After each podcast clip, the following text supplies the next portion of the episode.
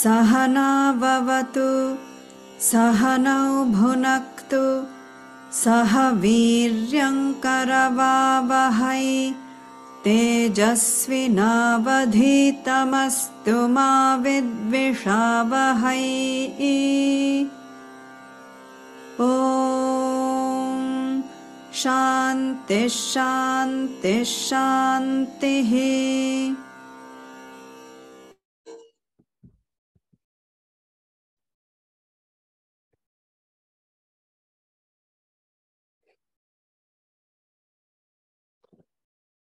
Tak Honzo, máš slovo. Tak děkuji. Tak uh, dneska nemáme žádnou červencovou hodnotu. A minule, když jsme se naposled viděli a měli jsme hodinu, tak jsme udělali jenom takový rychlý opáčko toho, co jsme zatím probrali. A paradoxně jsme přišli na to, že občas víme, že nic nevíme, tak uh, to zkusíme znova a začneme právě úplně od začátku, proč začínáme hodnotami a proč klademe, nebo obecně všichni dobří učitelé Vedanty kladou na ty hodnoty takový důraz.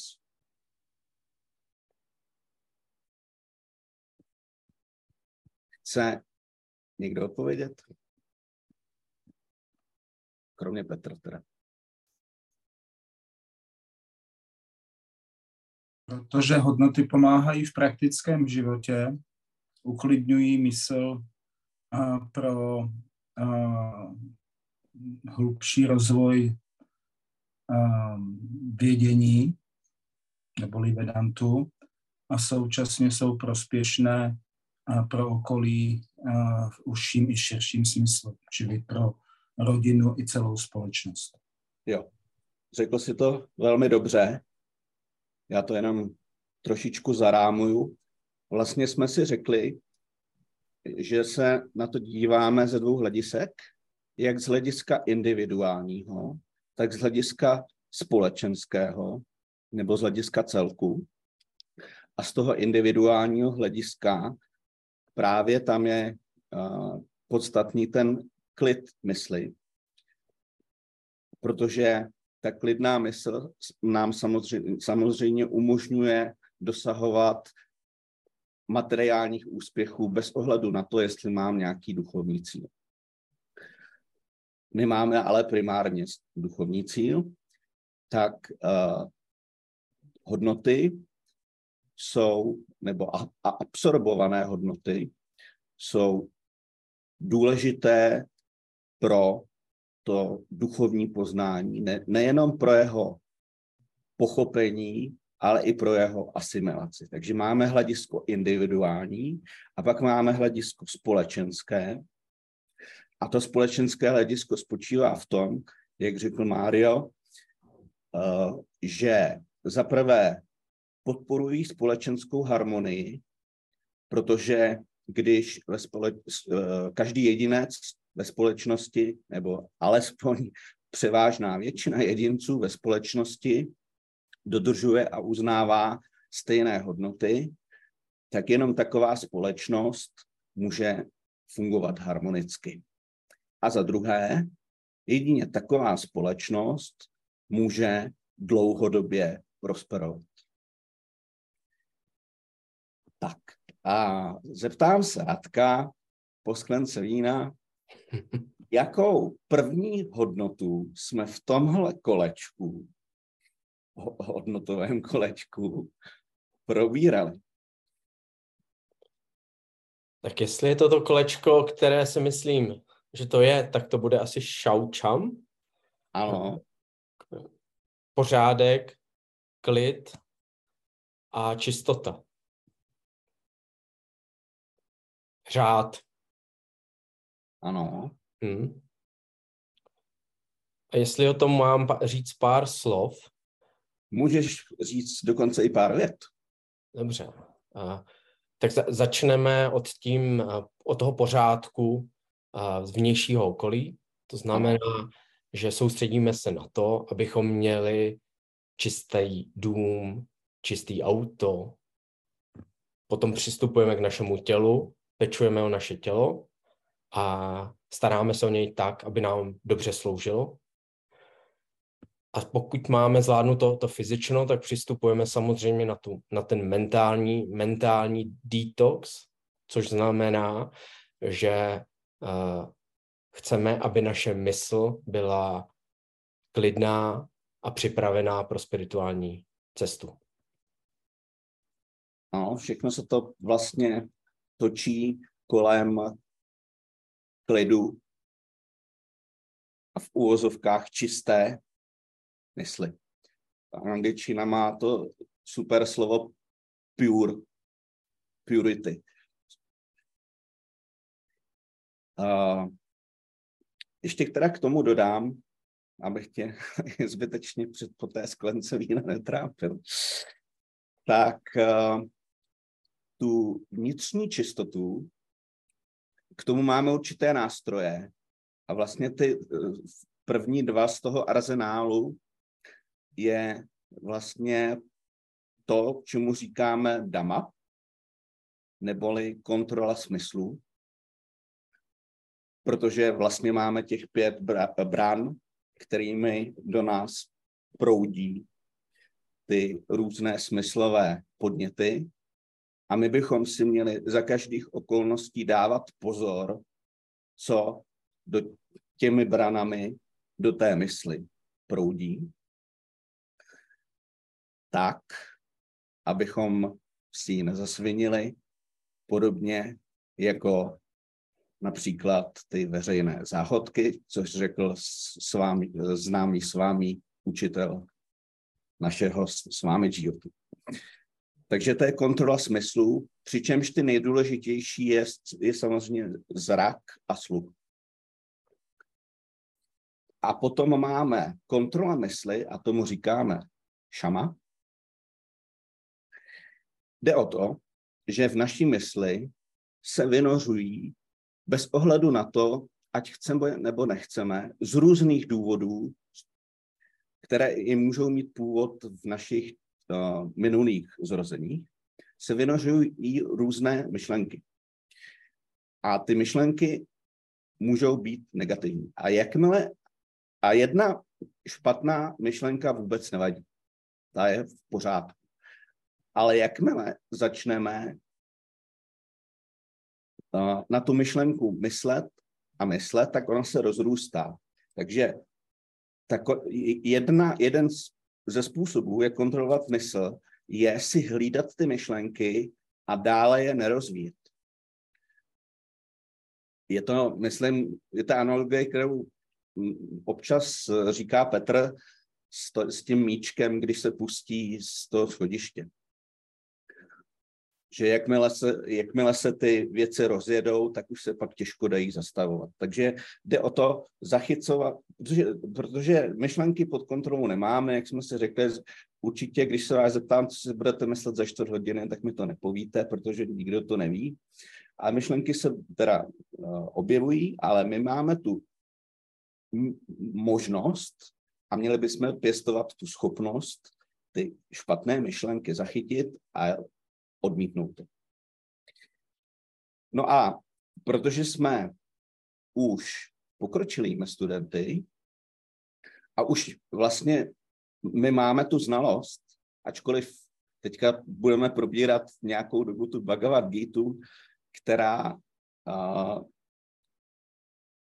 to poznání nám vlastně znovu a znovu bude připomínat, tak my už můžeme použít i tu třetí techniku, neboli nididiásanu a praktikovat to, že nejsem tělo, nejsem mysl a právě nejsem ani to, tou špatnou myšlenkou, která mě vlastně nemůže nějak ovlivnit. To je, to je ale jenom tak spíš pro doplnění. Nejdůležitější jsou ty dvě první. Kontrola smyslů a kontrola mysli. Až, a ještě poslední, otázka dnešní, protože toho máme na probrání hodně a je to vysoce zajímavé téma, tak třeba Štěpáne, tebe se zeptám, to, je to strašně jednoduchá otázka, co to znamená zlaté pravidlo a co to znamená zlaté pravidlo zejména v kontextu Vedanty.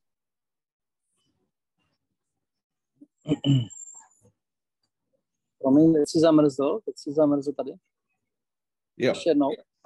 Zlaté pravidlo. Zlaté pravidlo, to nevím.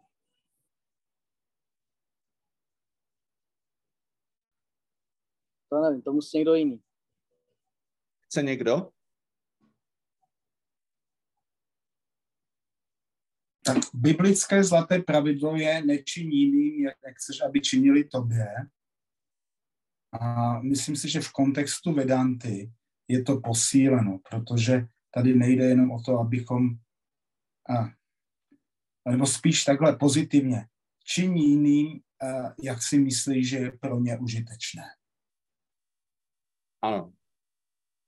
Ono už to univerzální zlaté pravidlo, jak se řekl biblické, je, je výborné praktikovat, ale ještě stupeň o něco vyšší je právě to si říct, vžít se do, do toho druhého člověka, to znamená mít tu empatii a říct si, chtěl by se ten člověk Eh, chtěl by ten člověk, abych já se k němu choval nějakým tímto způsobem, který se k němu hodlám chovat? A když otázka zní ano, tak, tak ano, když ne, tak ne. Takže je to takové trošku ještě povýšené zlaté pravidlo. Ty, ty jsi to nazval, myslím, platinovým pravidlem, ne? no, a tím bych asi dneska eh, skončil, protože máme, máme, máme velké téma a předal bych to Petrovi.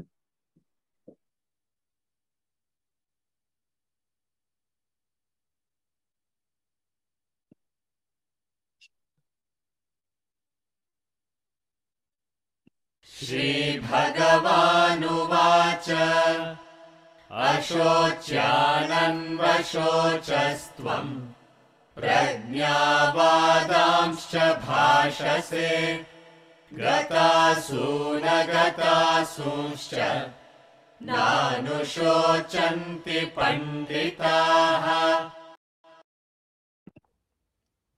Vítejte na hodině Bhagavad Gita, druhé kapitoly. A možná si budete pamatovat, že v minulých verších Arjuna vyjádřil svou bezmoc a požádal, aby ho Kršna učil.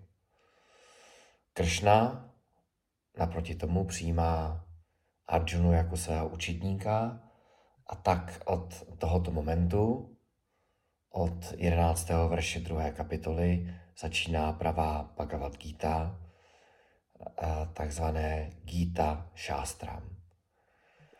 Kršna už není Arjunův kočí, Parta Saráty, ale stal se z něho Gita Charya, učitel Gity, a díky Arjunovi také Jagat Guru, učitel nás všech. Prosím Radku, verš 11.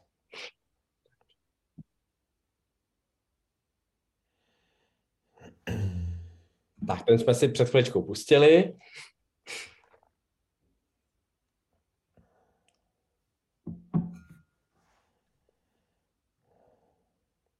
Můžeme si ho tam na chviličku ještě dát. Je tam hoď. Tenhle verš je tak důležitý, že vám ho zkusím zaspívat ještě jednou. Shri Bhagavan Uvacha Ashocyan Anvacho Chastvam Prajnavadam Ščabášase Gatasun Agatasunšča Nanušočanti Pandita Šrý Bhagaván řekl, pán řekl, truchlíš pro ty, pro které bys neměl truchlit. Zároveň však pronášíš slova moudrých lidí.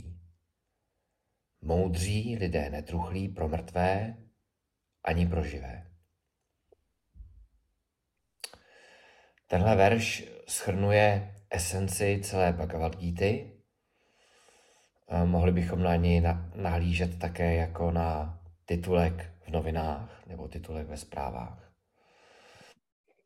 A říká v zásadě, že nevědomost, neznalost sebe sama je příčinou všech lidských problémů.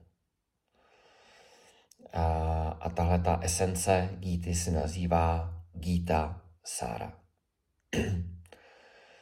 A pokud příčinou všech člověčích problémů je sebenevědomost, tak z toho automaticky vyplývá, že jediným lékem, jediným řešením je sebepoznání. Sanskrtem bychom řekli Atma agňánam samsára karanam, čili neznalost Atma je příčinou samsáry, Atma agňánam, samsára karanam. A oproti tomu Atma gňánam, moksha karanam. To znamená poznání Atma je příčinou nebo nástrojem, zdrojem svobody. Připomínám, že slovo Atma znamená já, v angličtině ho překládáme jako self. A tohleto je hlavní téma celé Bhagavad Gita a proto na konci každé Bhagavad Gita uslyšíme Šrýmát Bhagavad Gita Upanishadsu Brahma Vidyayam. Brahma Vidya znamená sebe poznání. Brahma Vidya. A v Bhagavad Gita uh, uslyšíme, nebo budeme spolu studovat spoustu dalších témat. Řadu z nich znáte. Karma yogu, jnana jogu, a jagňu, diánám, neboli meditaci, vedanskou meditaci, hodnoty. Ale tohle všecko je pouze podpora, konstrukce, opora pro hlavní centrální téma, a to je a Brahma vidya, poznání Brahmana, poznání pravdy. A Kršna tady tu myšlenku eh, předává krásným způsobem, protože říká, že moudří lidé netruchlí. Říká pandita na anušočanty, moudří nesmutní. To slovo pandita znamená moudrý, vzdělaný člověk a nicméně moudrý v, eh, v tom kontextu, Eh, že poznal, pochopil sám sebe. Myslí se tím nutně ekonom eh, nebo matematik.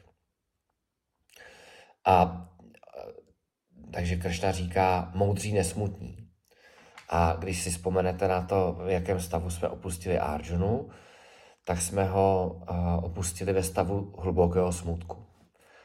Anglicky ten verš překládáme The wise do not grieve, moudří nesmutní a tím Kršna v celku jemně říká, že Arjuna není wise, ale že Arjuna, jak eh, také říkáme anglicky, je otherwise. Otherwise je takové uh, laskavé označení člověka, který je hlupák. A prostřednictvím Arjuny to Kršna vysvětluje celému lidstvu. De facto se nás ptá, jste smutní, jste uh, tu a tam zoufalí, jste nešťastní? Pokud ano, tak to znamená, že jste, že jsme otherwise.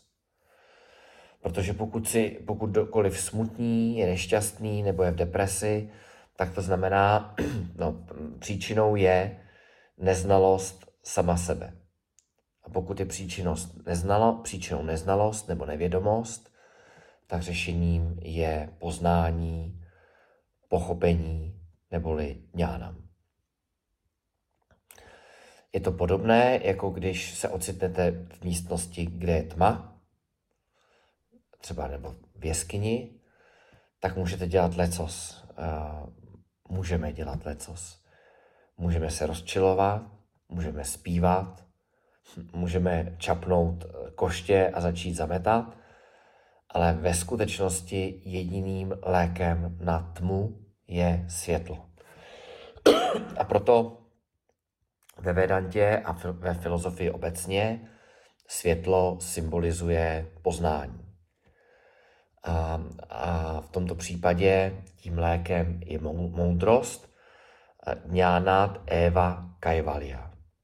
Jediným lékem je moudrost. Jediným řešením je moudrost. Takže můžeme si položit otázku a někteří lidé to tvrdí a řeknou, že svobodu přináší karma yoga. Pokud se vás zeptám, může karma yoga činnost odstranit nevědomost?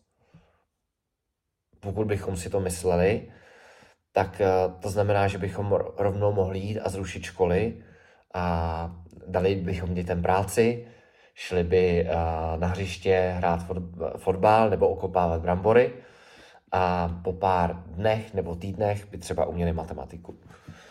A pak bychom je poslali nosit kamení a naučili by se cizí jazyk. Tak z toho vidíme, že práce, karma, činnost nemůže odstranit nevědomost. To neznamená, že karma yoga by nehrála svou důležitou roli, na duchovní cestě, ale jako taková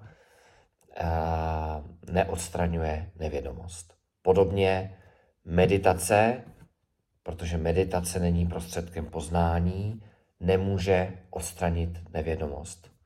Proto meditace nemůže sama o sobě přímo přinést svobodu.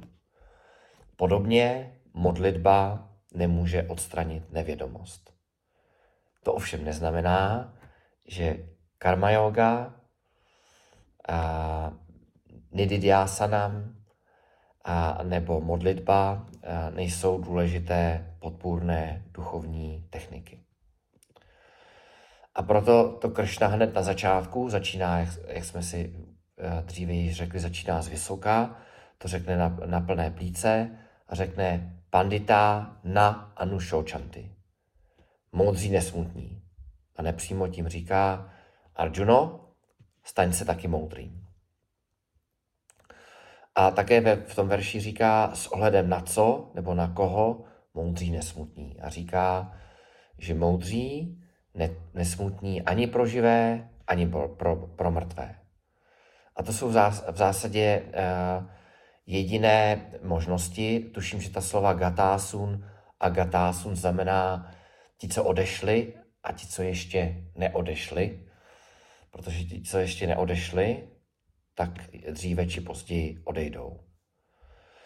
A v tomto kontextu Arjuna hovoří eh, nejenom o lidech, ale hovoří i o objektech, o situacích.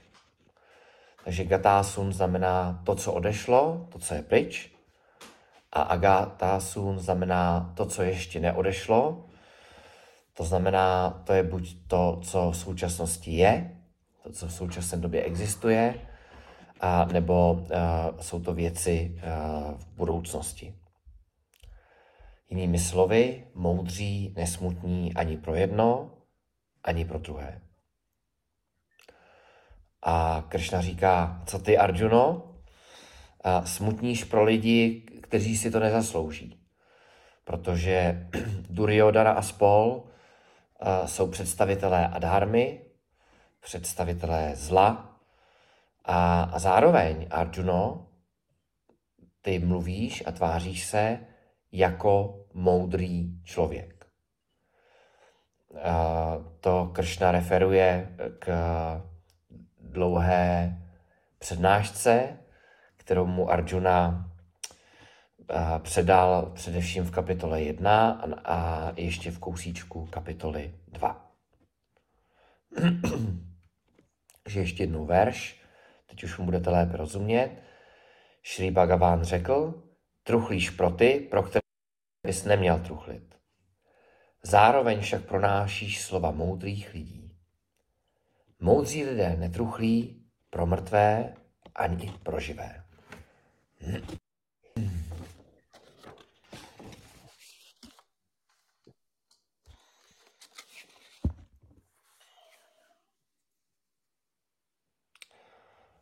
Radku, můžeme na verš 12. Ještě Radku, jestli můžeš, já k tomu mám pár poznámek. Mhm. A nech tam ten verš, tu jedenáctku. Uh, ještě uh, bych navázal jenom na to, co řekl Petr. Netruchlíš pro mrtvé ani pro živé. Uh, uh, on tím uh, Šrý Bhagavan neboli Krishna myslel i to, že si děláme vlastně zbytečné starosti o budoucnost i častokrát o minulost. To je to, co jsme kdysi na začátku probírali uh, v, ve Svámidžiho terminologii worries and anxieties, jestli si, jestli si vzpomínáte. Jo? Takže to je nejenom pro mrtvé a pro živé, to je obecně míněno to, že si děláme zbytečné starosti o to, co už bylo, i o to, co případně bude. A tím nám říká, nedělejte si o to vůbec žádný starosti. Ještě když tam dáš ten verš, ještě jednou. Verš. Tak. Když se podíváte ne na Šrý Bhagavan Uváča, ale na to první slovo v tom druhém řádku, což je taková složenina. Ashyočan anva šoča stvam, což je taková trošku tajenka a jsou to vlastně tři slova. A ono, když se to rozdělí, tak je to Ashyočan, Anušočah, protože tam došlo ke změně, a končí to tvam. Když se ukážeš to tvam, jestli to tam najdeš na konci s tou šipečkou, tvam.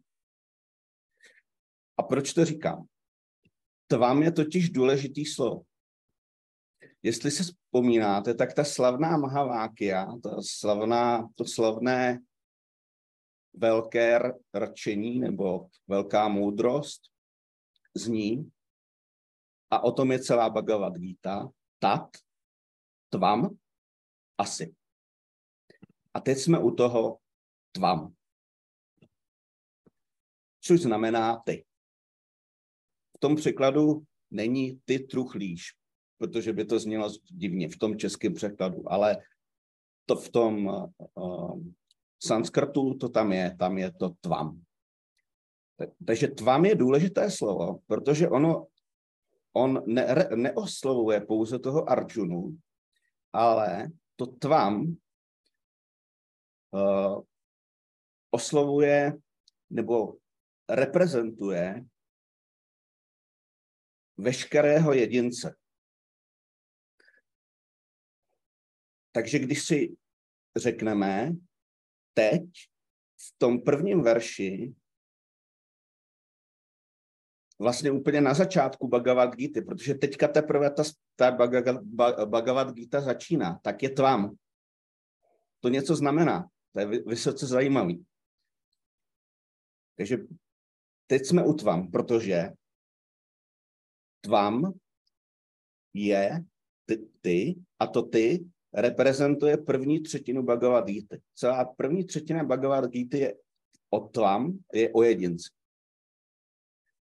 Druhá je tat, to, což znamená Išvara, neboli Bůh, v jakékoliv, v jakékoliv podobě ho chápeme. A ta poslední část je asi.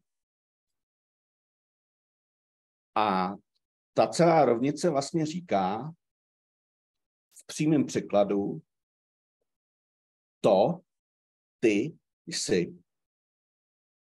A znamená to vlastně to, čemu se v sanskrtu říká aikyam, neboli jednotu mezi jedincem a Bohem. Což zní, jak už jsme si, myslím, jednou řekli strašně paradoxně, proč se my srovnáváme s Bohem. Jde o to, co rozumíme slovem tvam. A slovem tvam nerozumíme toho povrchního jedince, tu dživu, kršnu ani arjunu, ale rozumíme tu podstatu, átma. Takže átma rovná se brahman. Takže to je důležitý, důležitý je takový zajímavý, že ten první verš začíná i tím tvam. A to první slovo je Ashio Chan. Možná vám to něco připomíná. Mluvili jsme, že ta samsára se skládá ze tří věcí. Rága, šoka a moha. A ta šoka má právě návaznost na to ašiočam. Protože šočam znamená zdroj smutku. A ašiočam znamená opak. Nezdroj smutku, bychom mohli říct. A kde se teda ten smutek bere? Máme dvě možnosti. Buď je zdroj smutku átma, neboli já, naše pravé já, a nebo, nebo je zdrojem smutku anátma. Ta hmota, to nepravé je. A teď, když se podíváme na to átma, může být átma zdrojem smutku? Nemůže. A jaký proto máme důkaz? Protože když jsme smutní, tak, tak z toho nemáme radost. Kdyby naší přirozeností, přirozenou vlastností, vrozenou povahou byl smutek, tak nemáme vůbec žádný problém, protože kdyby jsme byli smutní, tak by jsme vlastně byli šťastní. Jo? Takže důkaz je, že naší přirozenou a pravou povahou je nesmutek, neboli radost, neboli ta ananda, neboli ten bliss, nebo ta suka. Může být zdrojem smutku anátma. No, ty, co nemají to rozlišování, tu vyvéku, si myslí, že ano. Ale ty, co mají tu pandu, ta panda je od slova pandita. Ten pandita má pandu, neboli poznání, neboli tu moudrost, neboli tu vyvéku. A ten ví, že ani anátma nemůže být zdrojem smutku, a to proto, že anátma je to, co jsme řekli mytia. A to je zdánlivá realita. Kdežto átma je satyam. To je ta pravda. To je ta, ta opravdová, skutečná realita. A jak my jsme si řekli, tam je neprůstřelná, neproniknutelná zeď. Tudíž anátma závisí na átma, ale átma nikdy nezávisí na anátma a nikdy ho nemůže nějak ovlivnit. Protože átma je vždy plné, nezrozené a tak dále a tak dále a tak dále. Takže to je jenom k tomu verši, když se ho trošku jenom lehce jazykově rozebereme. No. Už to asi jako nechám a tohle mě přišlo jako, že docela zajímavý si u toho verše ještě říct, že tam to tvam, což značí, že ta první část Bhagavad Gita je o jedinci a že Atma není zdrojem smutku, ale tím pravým zdrojem z toho smutku je nedostatek rozlišování mezi átma a anátma, neboli átma, anátma a vyvéka. Takže my potřebujeme jenom, jenom v úvozovkách, co potřebujeme mít, átma a nátma vyvéka, neboli sebepoznání. Verš 12. न त्वेवाहं जातु दासम् न त्वं नेमे जनाधिपाः न चैव न भविष्यामः। सर्वे वयमतः परम्।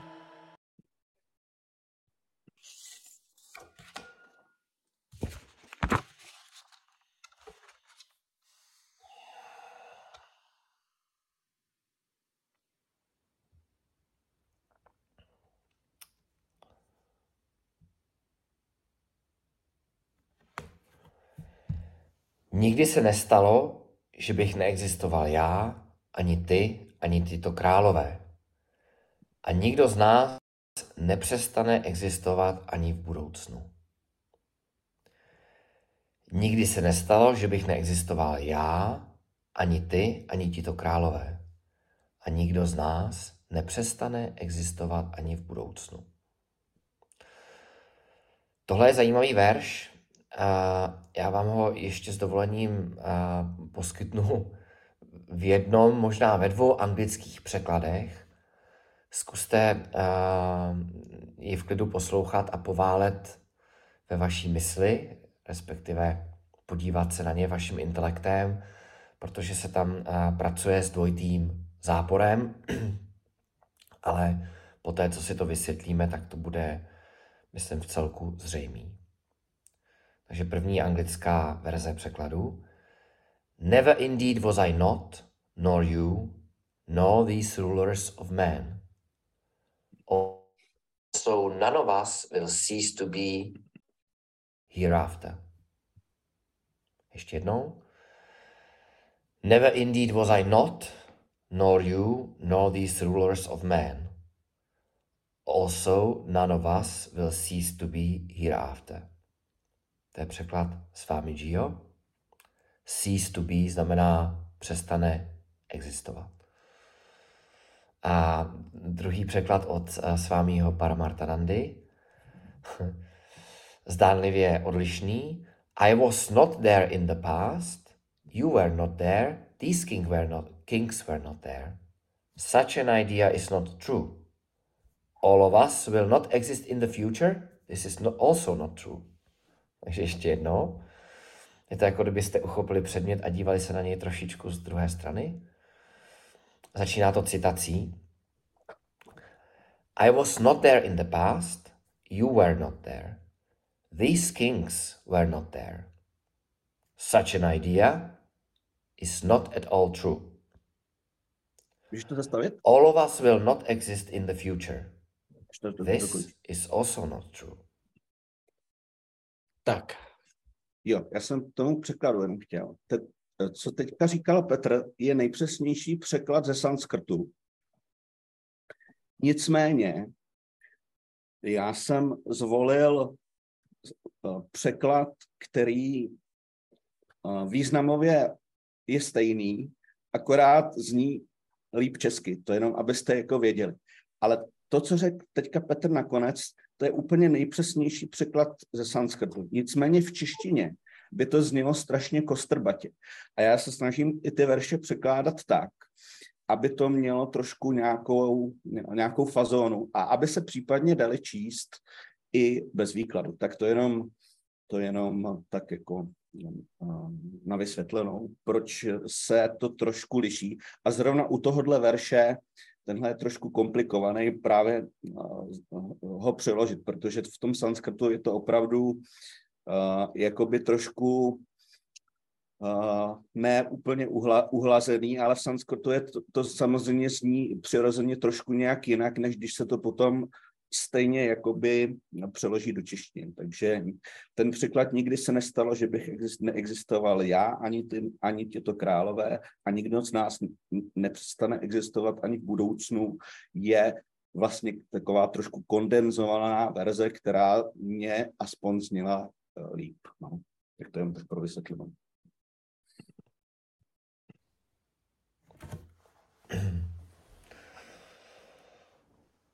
Pojďme se podívat, co je cílem Kršny. Kršna má ve skutečnosti cíle dva. Za prvé chce přesvědčit Arjunu, aby bojoval. A to je něco, co v angličtině nazýváme incidental problem, nebo taky topical problem. To znamená okamžitá, problematická, složitá situace, operativa. Ale pak je tu ještě Arjunův a náš hlavní problém, anglicky fundamental problem, a to je náš život v samsáře, která, jak víme, zahrnuje rága, šoka, moha. A aktuální problém Arjuny zní bojovat, nebojovat. A, a proč je to uh, operativní problém? Protože Arjuna tenhle problém v minulosti neměl a předpokládám ani většina z nás a většina z vás, jak mě posloucháte, tak nemáte, neřešíte problém, jestli máte bojovat nebo nebojovat. Naše rodi, drobné rodinné půdky do tohohle nespadají.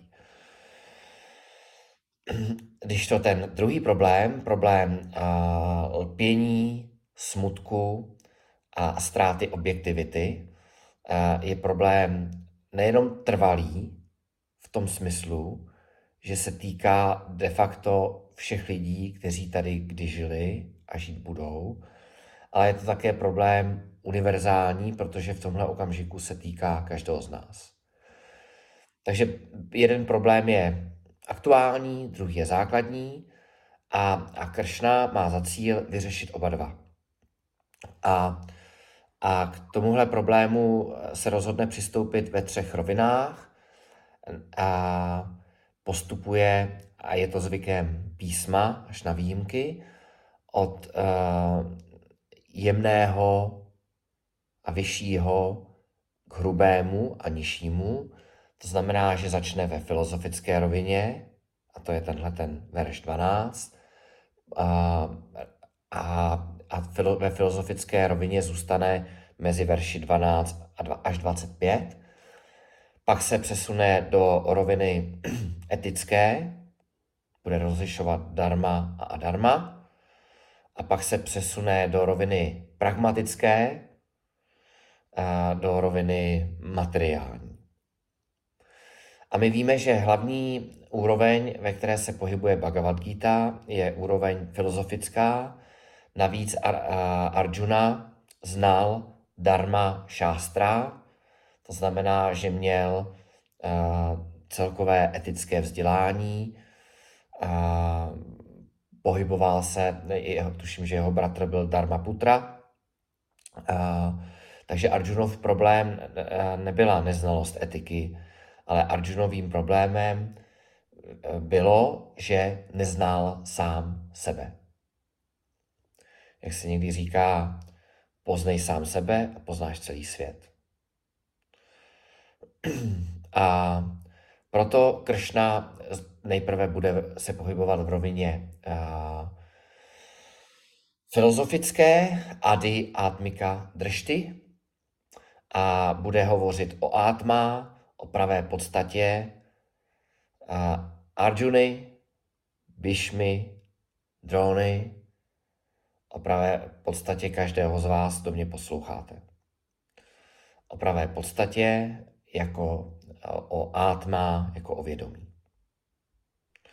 A pak se stoupí níž do roviny etické a řekne, Arjuno, pokud se na to nechceš dívat filozoficky, nebo ti to přijde příliš květnaté, vznešené, složité, nevadí. Podívej se na to z hlediska etiky, podívej se na situaci z hlediska toho, co je správné, co není správné, co, co je zlo a co je dobro a pak nevyhnutelně budeš muset jít a bojovat s těmihle darebáky. Protože etická himsa, to znamená boj nebo zranění nebo ublížení, případně zabití, a pro a, pravdu, pro dobro, pro vyšší cíl, je stejně dobrá jako ahimsa neboli neubližování myšlenkou, slovem a činem. Je to podobné, jako když soudce odsoudí kriminálníka a zavřeme ho do vězení. Jsme mu za to, předpokládám, všichni vděční. A pak ve třetí vlně, jenom v několika verších, a Arjuna se stoupí ještě níž, a to pro případ, že by, a, a možná jsem řekla Arjuna, tak Kršna se stoupí ještě níž, a to pro případ, že by Arjuna nedocenil ani rovinu etickou. A řekne mu Arjuno, hele, aby si jenom uchránil své dobré jméno a slávu, musíš jít a bojovat.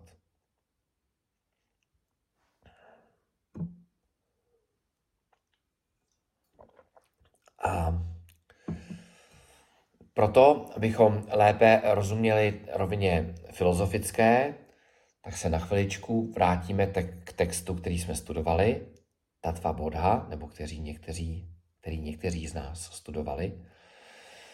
A měli bychom si připomenout jenom ten základ, protože v Tatva Boze se eh, student ptal Atmaka, co je Atma, a učitel řekl, že eh, ve skutečnosti každý z nás, a myslím si, že to je to, to co anglicky nazýváme self-evident fact, je to sebezřejmá skutečnost, každý z nás je vědomá bytost. Takže, takže uvnitř tohoto těla, tohoto komplexu těla, mysli a intelektu se nachází vědomí. A, a my jsme se ptali a společně jsme přemýšleli, co je toto vědomí, které uh, tuto bytost činí vědomou, živou, vnímající bytostí.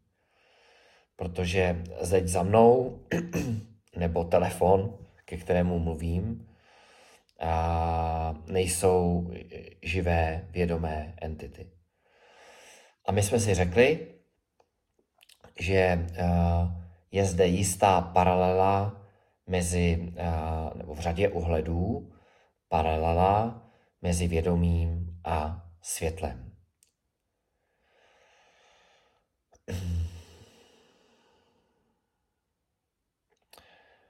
A schrnuli to v několika základních bodech, tak jsme si řekli, že vědomí není část, produkt ani vlastnost těla. Takže za prvé, vědomí není část, produkt ani vlastnost těla.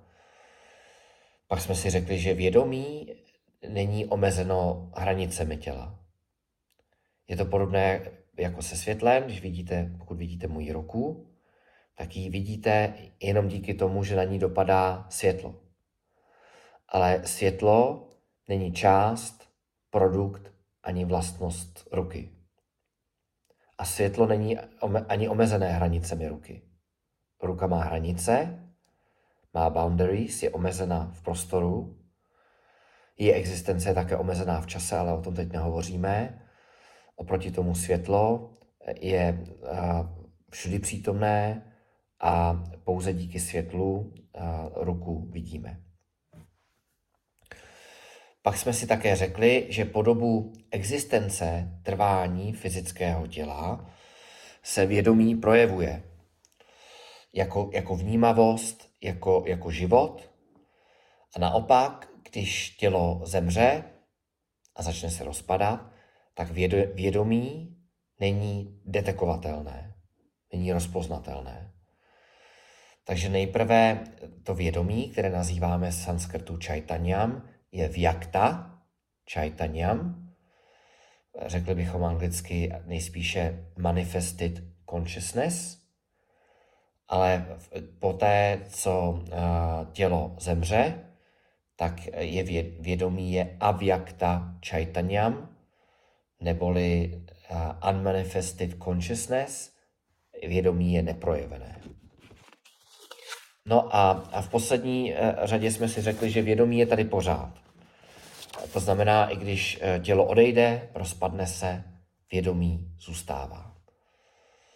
A toto vědomí nazýváme atma a tělo, případně můžeme říct komplex body, mind, intellect. tělo, mysl a intelekt a s ním celý vesmír je anátma. Takže vidíme, že každý z nás, i Arjuna, i Drona, i Bhishma, i vy, i já, každý jednotlivec je uh, spojení atma a anátma. Takže pokud se na vás dívám,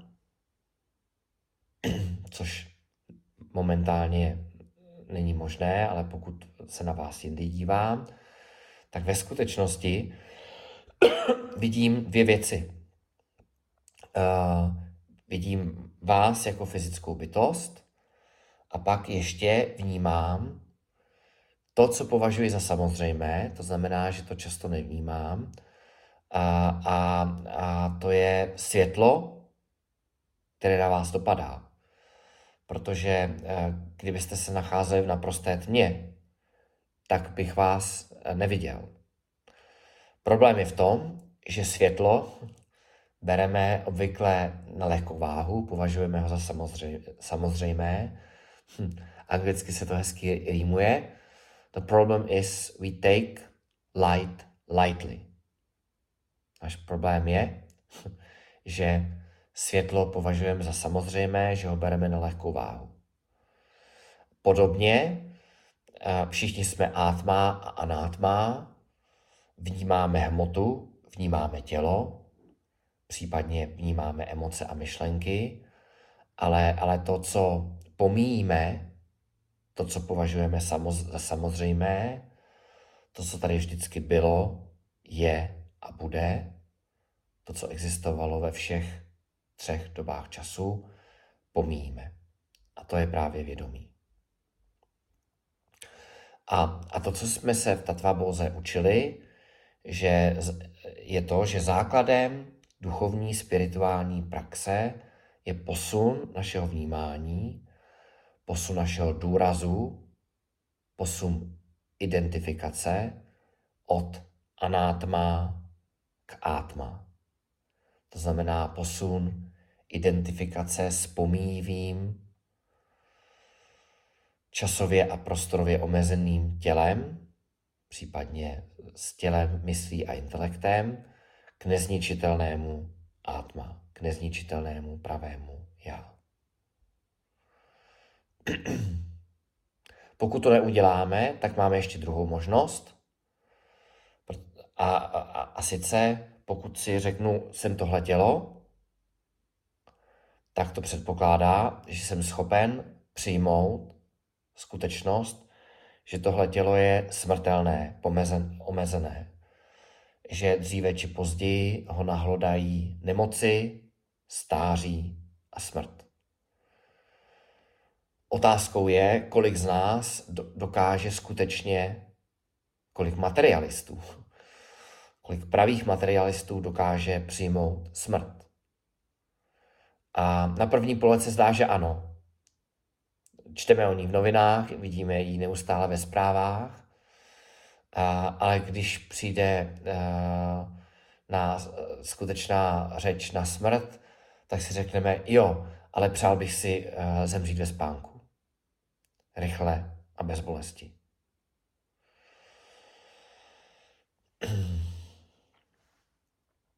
A to znamená, že, že naším úkolem je přenést naši identitu, pochopit naši pravou identitu od anátma k átma. To znamená, že tělo budu vnímat jako nástroj, jako tělo, mysl a intelekt, jako klíčový nástroj, případně soubor nástrojů, které mám k dispozici, které používám a jsem, jsem za ně rád a přiměřeně o ně pečuju.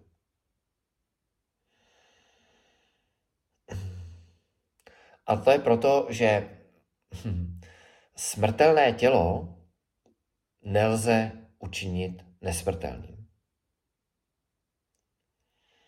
Mnoho lidí se o to pokusilo, mnoho lidí se o to pokouší a mnoho lidí se o to ještě pokoušet bude. Ale život, vědomí, není ve skutečnosti pravou podstatou, povahou těla. Protože my jsme si řekli, že eh, podstatou, tuším, že jsme používali slovo, slovo svabhába, je to, co daný objekt vždycky má. Podstatou ohně je žár. Neexistuje oheň bez žáru. Podstatou cukru je sladkost. Neexistuje cukr, který by nebyl sladký. Ale existuje tělo, které není živé. Existuje tělo, které je mrtvé. A oproti tomu, pokud si položíme otázku, může se átma, vědomí, stát nesmrtelným? Tak na ní musíme odpovědět, podobně jako na otázku předchozí, ne, nemůže. Atma se nemůže stát nesmrtelným. Atma se nemusí stát nesmrtelným, protože Atma je. Atma je, bylo a bude. A proto tady v tomhle verši ty zápory, ještě jednou vám přečtu český překlad. Nikdy se nestalo, že bych neexistoval já, to referuje k minulosti, ani ty, ani nebo ti to králové, a nikdo z nás nepřestane existovat ani v budoucnu. A samozřejmě v této sloce Kršna referuje k pravému já, k věčnému vědomí, k realitě, skutečnosti, které existovalo, existuje a bude existovat ve třech obdobích času. Písmo nám dává řadu nástrojů, které nám pomáhají posunout naší identifikaci od těla k naší pravé podstatě. A jednou z takových nejsilnějších metod je drk dršia vivéka. Drk dršia vivéka. Vivéka znamená rozlišování. A, a to znamená, tato metoda nám říká, že všechno, co vnímám, pro jednoduchost bychom mohli říci všechno, co vidím, ale to je méně široké, takže raději všechno, co vnímám, nejsem já. Protože všecko, co vnímám, je objektem prožitku. Takže oči vidí všecko, tedy skoro všecko, až na vlastní oči. To znamená, že odlišuju subjekt od objektu. A celý svět kolem nás, když se rozhlédnete na chviličku kolem sebe, tak celý svět je objekt. A objekt přichází, nebo objekty přicházejí a objekty odcházejí. A z toho vyplývá, že nejsem svět. Nejsem telefon, nejsem lahev, nejsem kolo, nejsem auto, nejsem kávovar. A samozřejmě pak se posuneme dále a, a, a hra začíná být komplikovanější. Otázka je, a co tělo? O, tělo také přichází a odchází. Protože tělo vnímám v bělém stavu, ale není k dispozici ve stavu snů, není k dispozici ani v hlubokém spánku. Je to podobné, jako kdybych odložil oblečení na věšák nebo do skříně, tak podobně po té, co usnu, tak jsem odložil své tělo. A podobně i mysl, mysl a intelekt je k dispozici ve stavu dělém, a v nějaké formě mysl a intelekt fungují spíše mysl ve stavu snů, ale v hlubokém spánku ani jedno, ani druhé nepoužívám.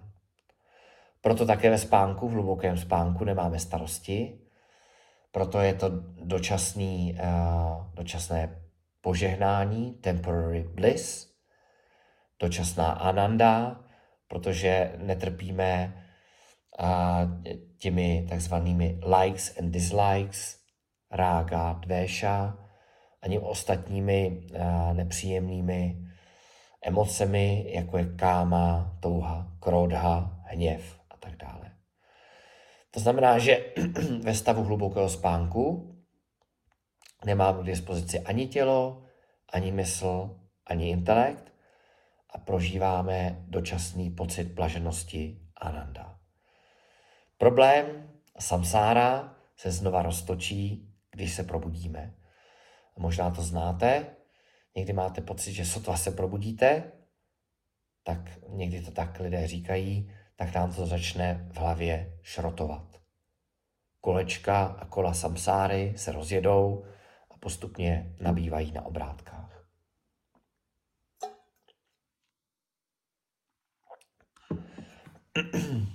Takže svět, tělo, mysl i intelekt přicházejí a odcházejí.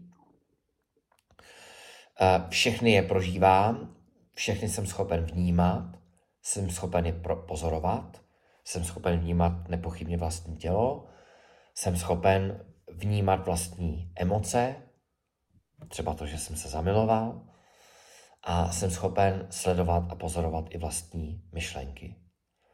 To znamená, nejsem svět, nejsem tělo, nejsem emoce, nejsem ani myšlenky.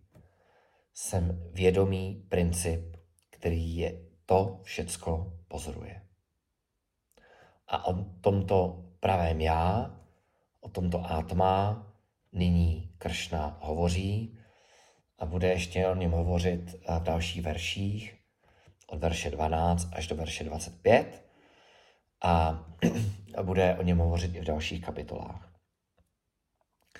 V následujících verších zmíní klíčové charakteristiky Atma.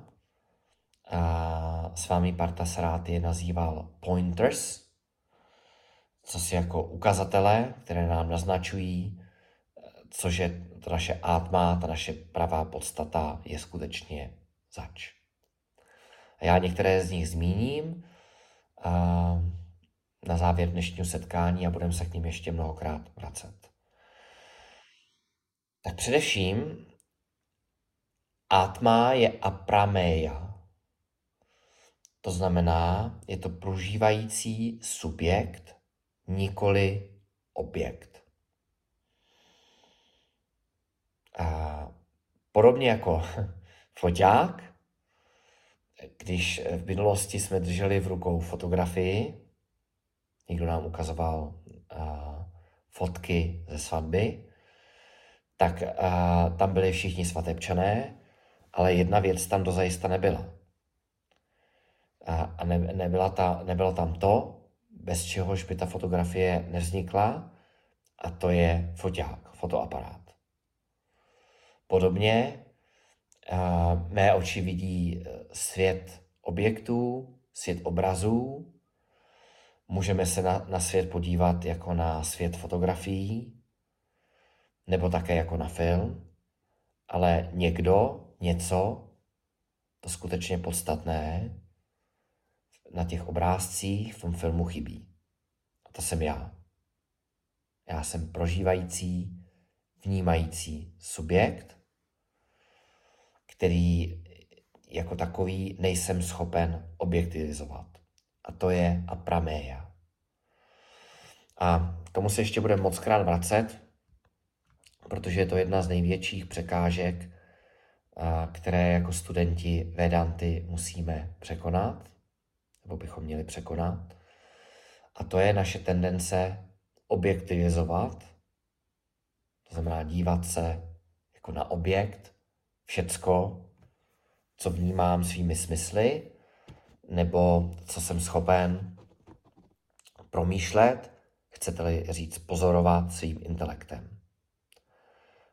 Potíž, ale zároveň krása mé, mého pravého já, mé pravé esence je ta, že protože to jsem já, tak sám sebe nemohu nikdy spatřit. Takže Atma a Prameya, ještě si řekneme čtyři. Atma Nitya, Atma je věčné. To znamená, v relativní rovině tady vidíte moji ruku, teď je ruka pryč a světlo tady zůstalo. A, ale to světlo nejste schopni vidět. To znamená, že to, co ve skutečnosti vidí, vidíme, vidíte, vidím i já, je ruka plus světlo. Ruka je pryč, světlo zůstalo, světlo je věčné. A to, co je věčné, je neměné. To znamená nirvy kára. A, a, a to souvisí i s tím, o čem jsem mluvil před chvilkou. A pokud eh, se lidé snažili, snaží a asi někteří budou snažit, a, aby a, eh, nikdy nezemřeli, aby tělo bylo věčné, tak to by předpokládalo, že by tělo muselo být neměné. Protože všecko, co uh, se mění, nebo to, co se mění, nemůže trvat věčně. Takže řekli jsme si Atma a Prameya je nevnímatelné, protože je to subjekt. Řekli jsme si, že Atma je, má pravá podstata je Nitya, věčnost sama, stojí mimo čas. Nirvikára, nirvikára, neměné, a Atma je sarvagata, vše prostupující. A to znamená, že to, co prostupuje všecko, tak jako prostor, nemá žádný tvar a nemá žádné hranice. A Atma je také akarta a abokta, to už jste slyšeli, nekonající a nenese ani následky svých činů když sáhnu rukou na uh, horkou pánev, tak se spálím. To znamená, že uh, mé tělo nebo má ruka konali, jednali, sáhli na pánev a zároveň uh, toto konání, jednání uh, přináší důsledky těch činů a to je v, tu, v tuto chvíli třeba spálená kůže.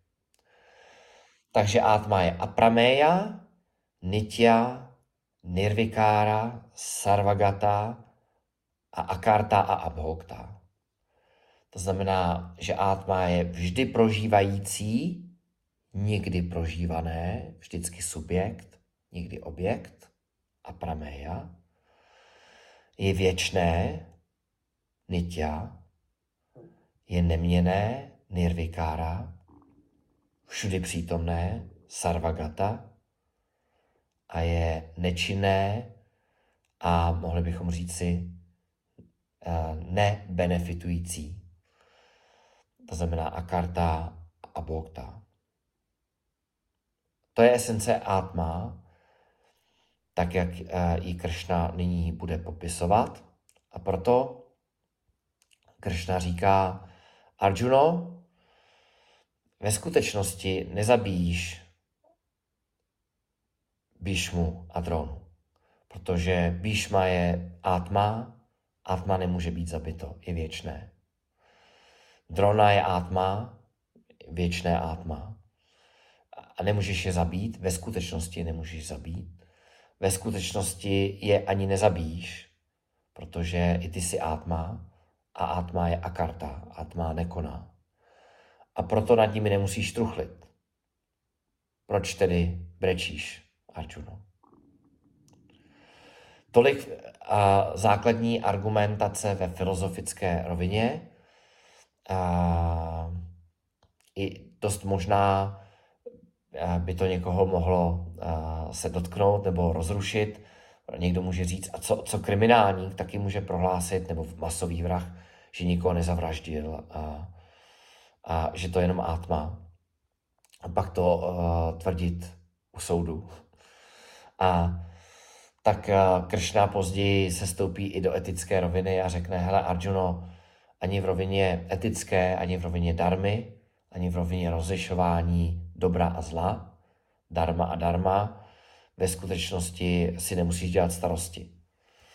Uh, protože i z hlediska darmického Arjuno, děláš správnou věc. Je potřeba jít a zabít tyhle kriminálníky. A když se vrátíme zpět k verši 12, vrátíme se k němu i příště, tak jsme si říkali, ještě jednou, nikdy se nestalo, že bych neexistoval já, ani ty, nebo ti to králové. Nikdo z nás nepřestane existovat ani v budoucnu. Kršna říká, že Atma je nitya, že je věčné, že bylo v minulosti, je v současnosti a bude i v budoucnosti. Kde tedy nastává otázka, že by mohlo zemřít nebo být zabito. Atma existuje ve všech třech dobách času, dokonce u Panešády říkají, že existuje hm, před tím, co bylo v minulosti, i poté, co bude v budoucnosti, mimo čas, mimo prostor. Naše átma, naše skutečné já, vy, já, naše podstata je nitya neboli věčnost sama.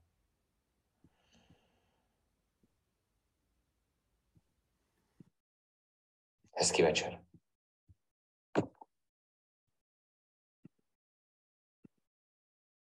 Tak, bude chtít někdo něco dodat k tomuhle výkladu, Petra?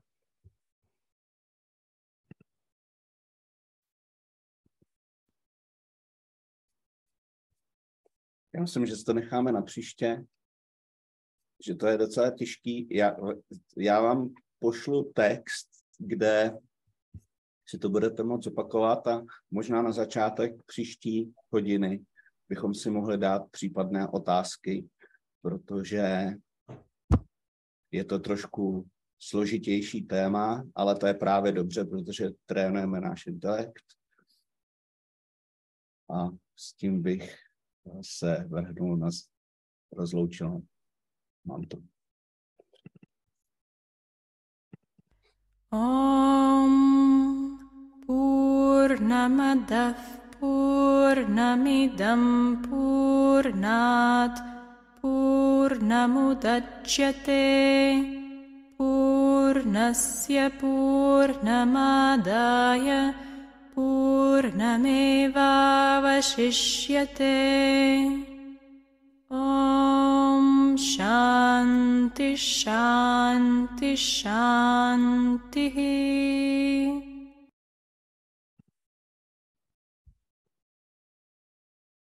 Tak děkuju a pěkný večer. Díky všem, díky, ahoj.